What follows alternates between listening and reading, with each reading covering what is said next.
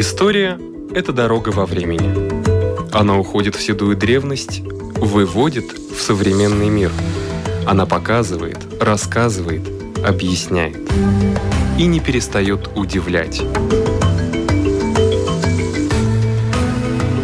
Живая история.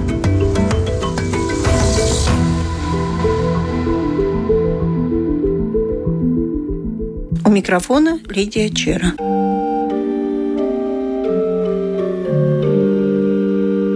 Недавно в музее Райниса и Аспазии в Риге на улице Базница 30 открылась выставка с интригующим названием «Запретная модерность». Вначале послушаем интервью молодых авторов, идеи на латышском языке они говорят, а затем услышите перевод. Автор выставки Раймонс Тертис и художник Клаус Предейтис. Ideja bija? Jūs esat idejas autors, kāpēc jums sagribējāt tādu izstādi organizēt? Vienbrīd Raņina Aspazīs biblioteka nonāca manā pāraudzībā, un mani pieredzējušākie kolēģi jau stāstīja, ka biblioteka ir tāds neizzināts lauks pilnībā, un tad nu es to sāku padziļināti pētīt un meklēt kopsakarības, kas tajā bibliotekā ir īsti atrodams. Un tad nu es atradu, ka ir diezgan daudz dažādu grāmatu, kas ir iekļautas 1939. gadā izdotajā aizliegto brošūru un grāmatu sarakstā. Un tad es eh, sāku pastiprinātāk interesēties par šīm grāmatām un sapratu, ka nu, viņas veido veselu stāstu par tā laika cenzūru, par tā laika literatūras attiecībām ar varu. Un tā nu šī ideja radās un tā nu viņa ir tapusi. Kas tie ir pa autoriem? Aizliegti. Lielākoties tie ir kreisā flanga autori, sociāldemokrāti, komunisti, tostarp Brāņa līdzgaidnieki arī, kuri Nulmeņa režīma apstākļos nebija vēlami. Un jūs arī taču nezinājāt par viņiem, ka viņi tādi bija. Šo to es jau zināju arī iepriekš. Vienkārši tas viss kopums man atklājās palēnām. Interesanti būtu arī tos uzvārdus dzirdēt. Visvairāk pārstāvēts laikam ir Linnārds Laicens, kas ir arī zināmākais no autoriem, bet nu, ir vēl virkni citu. Ir Jānis Čabers, kas, manuprāt, ir eh, pilnīgi aizmirsts, bet ļoti interesants dzinieks. Ir eh, Kārlis Cels, Jānis Plaudis, pilnībā nezināmais Jānis Tīsners. Tā kā tas saraksts ir diezgan, diezgan garš. Bet tās visas grāmatas tagad atrodas šeit, zem stikliem. Jā, viņas ir jāaizsargā, jo tomēr tie ir reti izdevumi bet mēs esam izveidojuši atsevišķām grāmatām izlases kārtībā faksimilu izdevumus, precīzi mēģinājuši nokopēt tās grāmatas, kas atrodas zem stikliem, lai skatītāji un apmeklētāji varētu atnākt, pašķirstīt, palasīt, sa, sajust, ja? sajust arī, arī jā, to tekstuālo baudu un arī varbūt kaut kādā ziņā taktīlo, jo mēs mēģinājām maksimāli līdzīgi noimitēt faksimilu izdevumus īstiem oriģināliem, kas atrodas aiz stīkla. Un tāda kompozīcija jums likās tā ir tāda interesanta. Ja? Kā radās ideja par kompozīciju un izkārtojumu telpā? Pavisam vienkārši mēs sākām skatīties visas tās grāmatas, un eh, šajās grāmatās ir daudz vizuāli elementi, kas ir raksturīgi modernismam.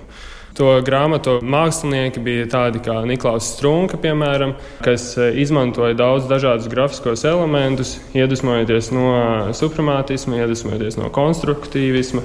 Un tad mēs, respektējot e, tos grāmatu iekārtotājus un viņu māksliniecisko veikumu, arī ņēmām šos elementus un komponējām telpā un radījām to visu telpiskumu. Un saplēstās lapiņas, ko nozīmē?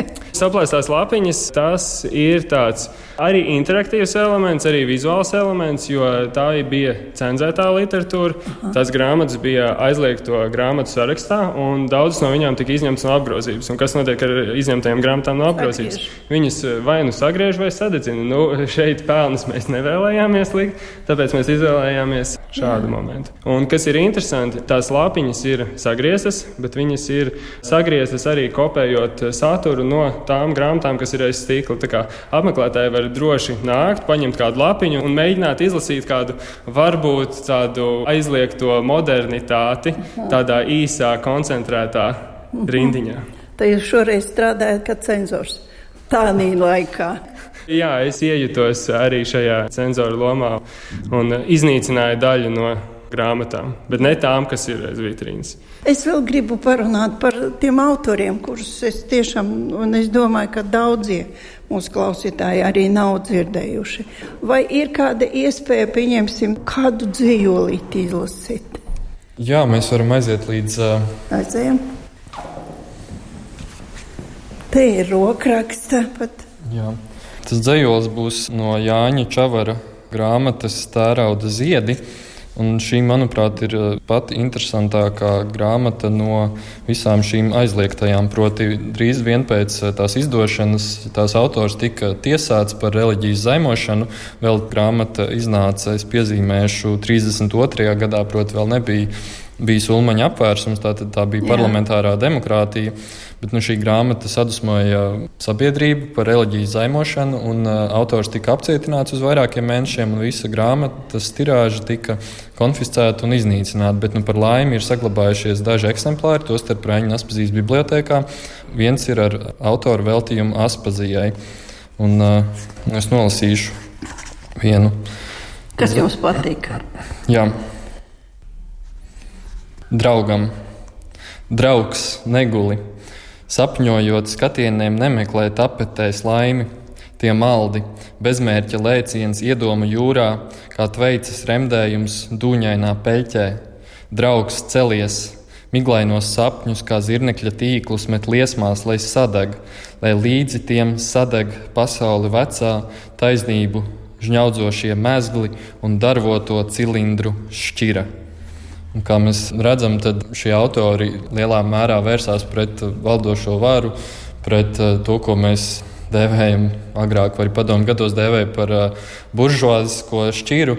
Un, uh, nu jā, un viss šī dzēja ir tāda pilna ar naidu, ar kvēlu patosu, protams, ietekmējusies no marksisma, no šķiru cīņas, no tādas revolucionāras darbības. Tāda vēstures lapus mums arī ir Latvijā grāmata paliek. Bet kas ar tiem likteņiem? Ir kaut kas zināms arī par tiem cilvēkiem? Protams, ka ir zināms, pieminētais Leons Paegli nomira 26. gadā. Viņam bija Jauns. vāja veselība. Linārds Laicens, kā mēs zinām, nomira 37. gadā padomju Krievijā. Tika represēts Jānim Čavaram nedaudz paveicās. Proti, Otrā pasaules kara gados viņš mitinājās padomju Krievijā, bet nebija aktīvs savā darbībā, līdz ar to viņam represijas gāja seceni. Un vēlāk jau pārcēlās uz Baku, kur tad arī nodzīvoja līdz, ja nemaldos, 74. gadam. Jā, grāmatas paliek. Par laimi. Да. Как говорили, рукописи не горят. Итак, перевод. Идея создания выставки возникла после близкого знакомства с библиотекой Райниса и Аспазии. Раймонд Тертис обратил внимание на то, что в книжной коллекции поэтов находится много книг, запрещенных в 1939 году. Был такой список – запрещенной литературы и, соответственно, писателей и поэтов, у которых не сложились отношения с властью того времени. Это были социал-демократы и коммунисты. Как известно, Райнес был сам социал-демократом, но его эти гонения не затронули.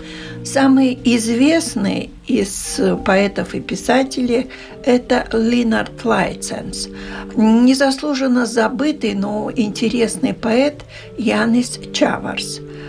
Карлис Целс, Янис Плауде, неизвестный Янис Тиснерс. Оригиналов книг осталось мало, есть даже единственные экземпляры – Создатели выставки обратили внимание на содержание и оформление книг, поэтому и выставка выдержана в модернистских тонах – красный, черный, белый. Что происходит с книгами, если конфискуют весь тираж? Их сжигают или измельчают – вот костер здесь разводить не стали, а измельчить несколько книг измельчили на полоски. И эти полоски может каждый выбрать и прочитать какую-то цитату. книги, вот они на выставке, а известно ли, что случилось с теми людьми, которые написали эти книги? Как сложились судьбы этих творческих личностей? Оказывается, что есть примеры, когда известно практически все. Например, Леон Спайгле.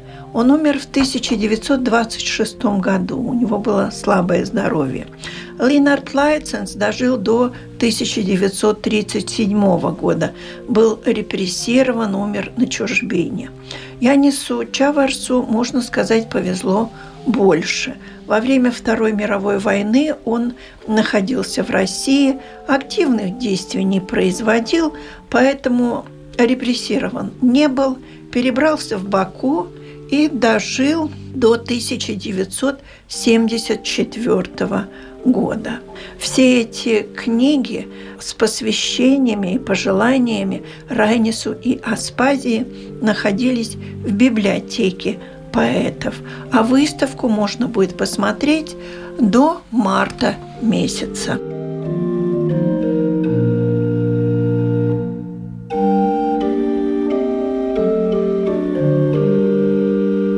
Начать бы мне хотелось той ситуации, какая была в жизни литераторов, писателей, поэтов вот этого периода. А это период, я так понимаю, чуть ли не с 25 -го года по 39 да?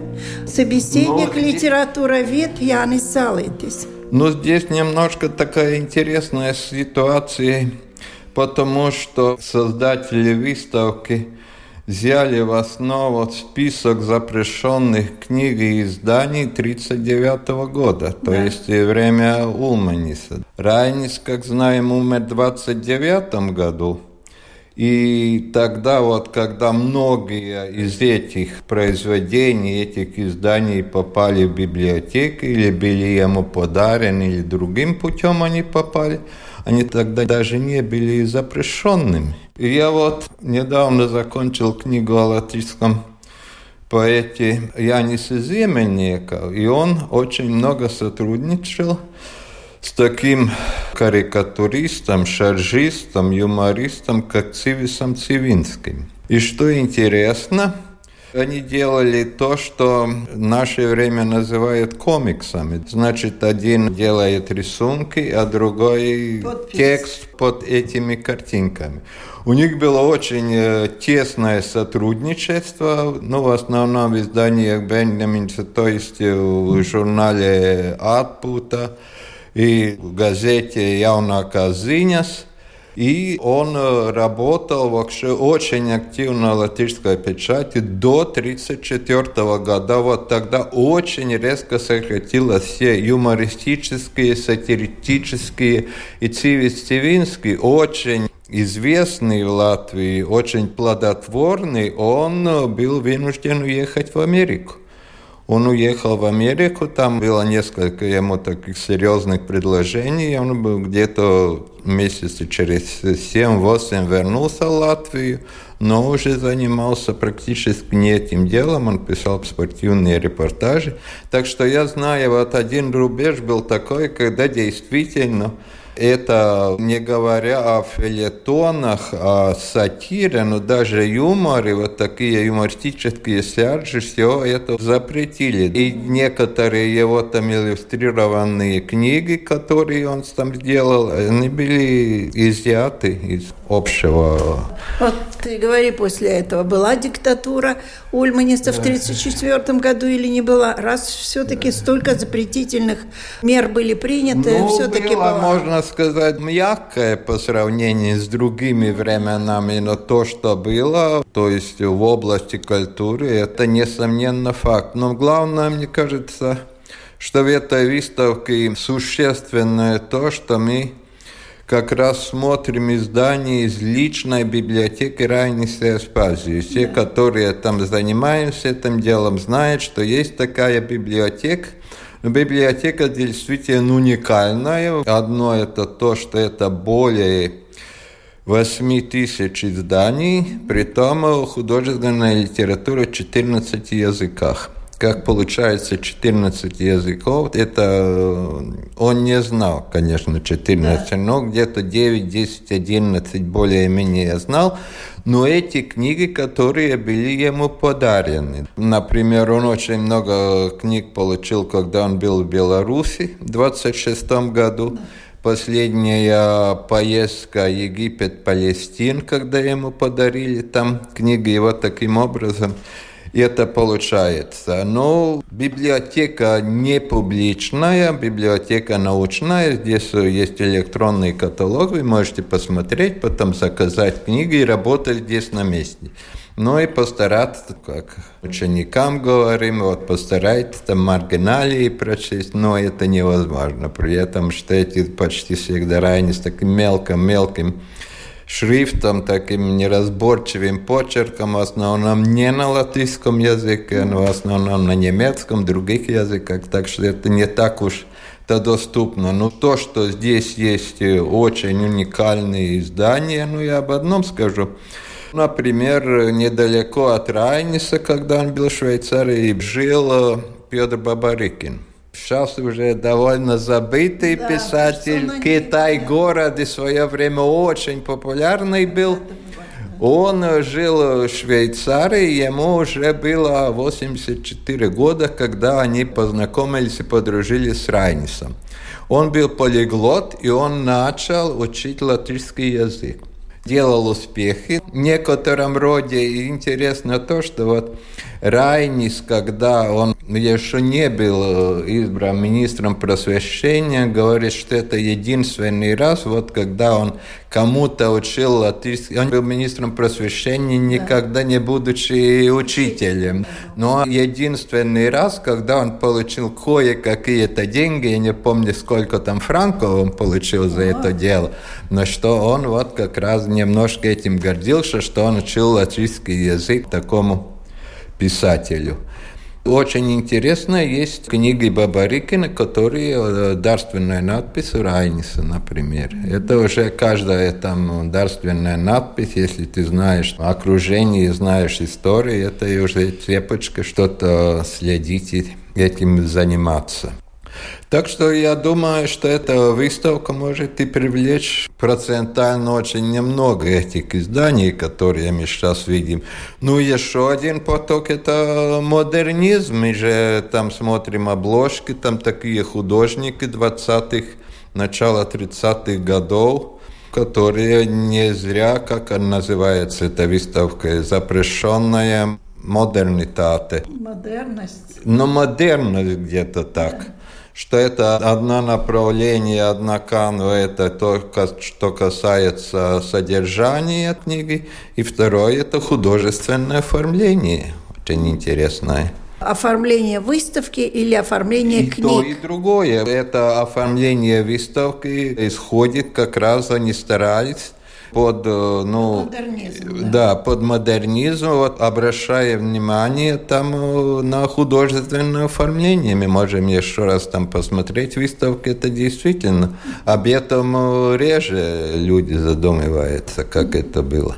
А Насчет книг вы, когда говорили, я помню, в свое время была очень, мне понравилась выставка, и приезжали белорусы и говорили о дружбе между Янисом Райнисом и Янкой Купалой. Тоже наверняка не без книг мы в Ну, я уже напомнил, что они встретились первый раз, действительно подружили. Это был 26-й год, когда Райнис был в Минске. И не ну, только в Минске, они там э, открывали второй национальный театр Беларуси, исследовали этот вопрос Райнисы Беларуси. Это очень интересный. И оказывается, здесь личной библиотеки, говорим Райнис, библиотека Райниса Эспазии, которая еще дополнялась после смерти Райниса, когда ну, да. еще Аспазия была жива. Здесь есть, э, начиная с Янкой Купалой, и есть тогдашние молодые писатели, вот здесь это, можно, в этой библиотеке, целая библиотека белорусских авторов. И второе, я знаю, что здесь исследовали этот вопрос, что оказывается, что в библиотеке Райниса есть действительно уникальные белорусские издания, не те издания, которые в Беларуси удалось получить, а вот как раз, которые он собирал и которые издавались на белорусском языке. То есть богатая библиотека, которой можно еще и пользоваться всем пришедшим и зарегистрировавшимся здесь, да? Да, ну, я говорю, это не публичная библиотека, но доступна всем, э, кто этим интересуется. Вы можете посмотреть электронный каталог. Есть там э, небольшая характеристика там каждого издания. Если это вас заинтересует, что можете прийти сюда, получить книги, ну и работать здесь на месте. И есть, которые там проектные работы делают в гимназиях, в средних школах, которые используют библиотеку. А после 1934 года вот из известных писателей кого больше всего перестали публиковать? 34 это одно было социал-демократы некоторые. Это было не строгий режим, но там запретились их издания. Был запрещен, вот интересно еще в отношении Райниса, союз учителей, которым был всегда таким левым, социал-демократическим связан. И после этого Райниса же был небольшой музей в Дурбе. И после этого он завещал этому союзу учителей, и после этого это уже был запрещен. Так что можно сказать, что тот музей Райнис это имеет какое-то отрицание. Да, да, да, такое, да. Ну, немножко, да. Да, жаль только, что эти люди, вот о которых сегодня рассказывает автор этой выставки, эти поэты, писатели очень мало известны. Молодое поколение уже не знает, но есть там и писатели, которые мы-то хорошо знаем, Леонардо Лайцена, Леон Паегла и Чаварс поэт. Ну, они говорят, что он мало известен, но он э, довольно известен. Ну, тогда мы их и называли революционными поэтами. Но есть и такие. Но это как раз одна из причин, почему такая выставка нужна, что мы посмотрели не только библиотеку Райниса, но и немножко, исходя из этого, посмотрели одну часть литературной и культурной жизни Латвии. У нашего микрофона был литературовед, сотрудник музея Райниса и Аспазии на улице Базница, 30, Янис Залитис. Kā ūdens nemitīgs no augstas klinšu kraujas, lai dziļā mūžībā ar dzīves mirkļiem raujas. Bet ir kāds lielāks spēks, kas uzveic laika vāru. Ar nemirstību tas, ar lauriem kronē garu. Kā ūdens nemitīgs no augstas klinšu kraujas, laiks dziļā mūžībā ar dzīves mirkļiem raujas. Bet ir kāds lielāks spēks, kas uzveic laika varu. Ar nemirstību tas, ar lauriem kronē garu. Kā pērles gadi kļūst, kad viņš to satver rokā un rotā mircošā, sien beidzot vienā rokā, met sauktu likteni, kas spēcīgs un skarbs, met sauktu likteni, kas spēcīgs un skarbs. Bet tas mīt ikdienā, un viņa vārds ir darbs ūdens nemitīgs no augstas kliņšu kraujas. Laiks dziļā mūžībā ar dzīves mirkļiem raujas. Bet ir kāds lielāks spēks, kas uzveic laika vāru. Ar nemirstību tas, ar lauriem kronē garu, kā pērles gadi kļūst kad viņš to satver rokā un rotā mirdzošā, sien beidzot vienā rokā met saukto likteni. Kas spēcīgs, spožs un skarbs, met saukto likteni, kas spēcīgs, spožs un skarbs. Bet tas mīt ikdienā, un viņa vārds ir darbs. Pērles gadi kļūst, kad viņš to satver rokā un rotā mirdzošās, sien beidzot vienā rokā met saukto likteni, kas spēcīgs, pošs un skarbs, met saukto likteni, kas spēcīgs, pošs un skarbs. Bet tas mīt ikdienā, un viņa vārds darbs.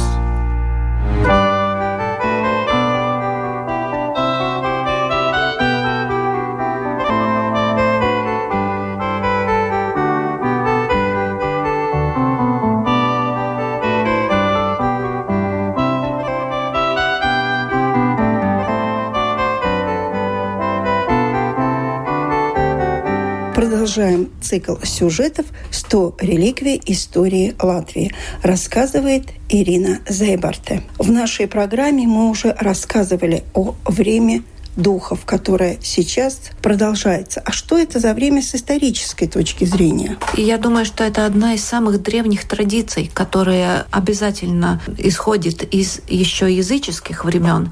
Но по такому странному развитию истории Латвии эта языческая традиция как-то жива, и она синтезировалась с христианской традицией и вылилась в такую совершенно другую традицию, которую мы сегодня все знаем. И я думаю, что поэтому, как традиция, она очень интересна, но, как вы знаете, традиция — это вещь нематериальная, ее нельзя взять в руки. А предмет, который мы представляем в своей книге «100 реликвий истории Латвии», он как раз материальный, но очень тесно связан с этой традицией. История сохранила для нас эту уникальную вещь. Это такой с виду неказистый кусочек дерева, четырехугольный, с отверстиями формами для четырех деревянных ножек. И называется он столиком. Когда-то он был столиком именно для угощения духов. И, как известно, вот с 29 сентября до 10 ноября было время угощения духов, и в это время где-то не в доме, снаружи выставлялся этот столик или в бане, или рядом где-нибудь. Он мог быть и под деревом например, под дубом, который почитали в языческие времена. Его выставляли на этих ножках, обязательно ставили свечу, потому что эта свеча была тоже символ, огонь как символ, и как знак, куда идти духом умерших, чтобы они могли найти угощение. И на этот столик ставили угощение. Но это было обычно что-то съедобное, и это было очень важно, чтобы утром, когда приходили посмотреть к этому столику, чтобы хоть что-то было тронуто. Это означало, что духи были. Потому что духов в то время не боялись. Это были свои. И выставляли это угощение для своих, для родных. Потому что ждали духов именно своих родственников, своих близких, чтобы они пришли и своим приходом утвердили то, что все хорошо, что они довольны оставшимися. И вот потому, что традиция традиция, с одной стороны, очень долгая, очень древняя, с другой стороны, все материальные доказательства этой традиции фактически исчезли. Поэтому это действительно уникальный предмет в коллекции нашего музея, который сохранился. И поэтому мы очень им гордимся. И, например, хотя бы тем, что мы знаем и историю конкретно этого столика, конкретно этого места семьи, от которой получили этот столик. В музей он пришел в 1929 году, и с тех пор не появилось ни одного другого свидетельства об этом культе духов. И я думаю, что стоит напомнить нам всем, что эта традиция, как я вначале сказала, она как-то синтезировалась, и сохраняя вот эту традицию подкармливать, угощать духов, она превратилась в свою очередь и в традицию, которую в Латвии знают все. Это свецы и швакары, когда уже тоже во время духов или в течение всего ноября люди идут на кладбище, зажигают свечи, и тем они э, показывают свое отношение к своим умершим родственникам. Вы можете сказать, а с какого века сохранился этот столик? Вы назвали, когда передали в музей, это 20 век начало, почти сто лет ему уже. А вот когда он был построен, можно как-то определить? Это очень трудно. Он мог быть и 19 века, и еще старше. Как я уже сказала, это просто кусочек дерева. Расшифровали его?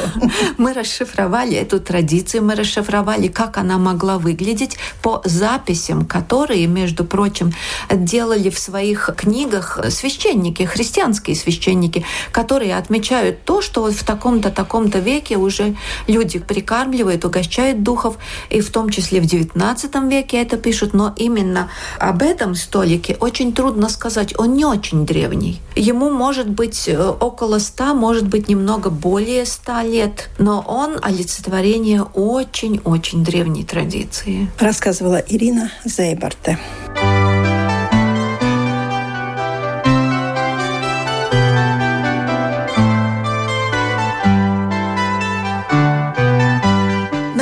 наша передача заканчивается.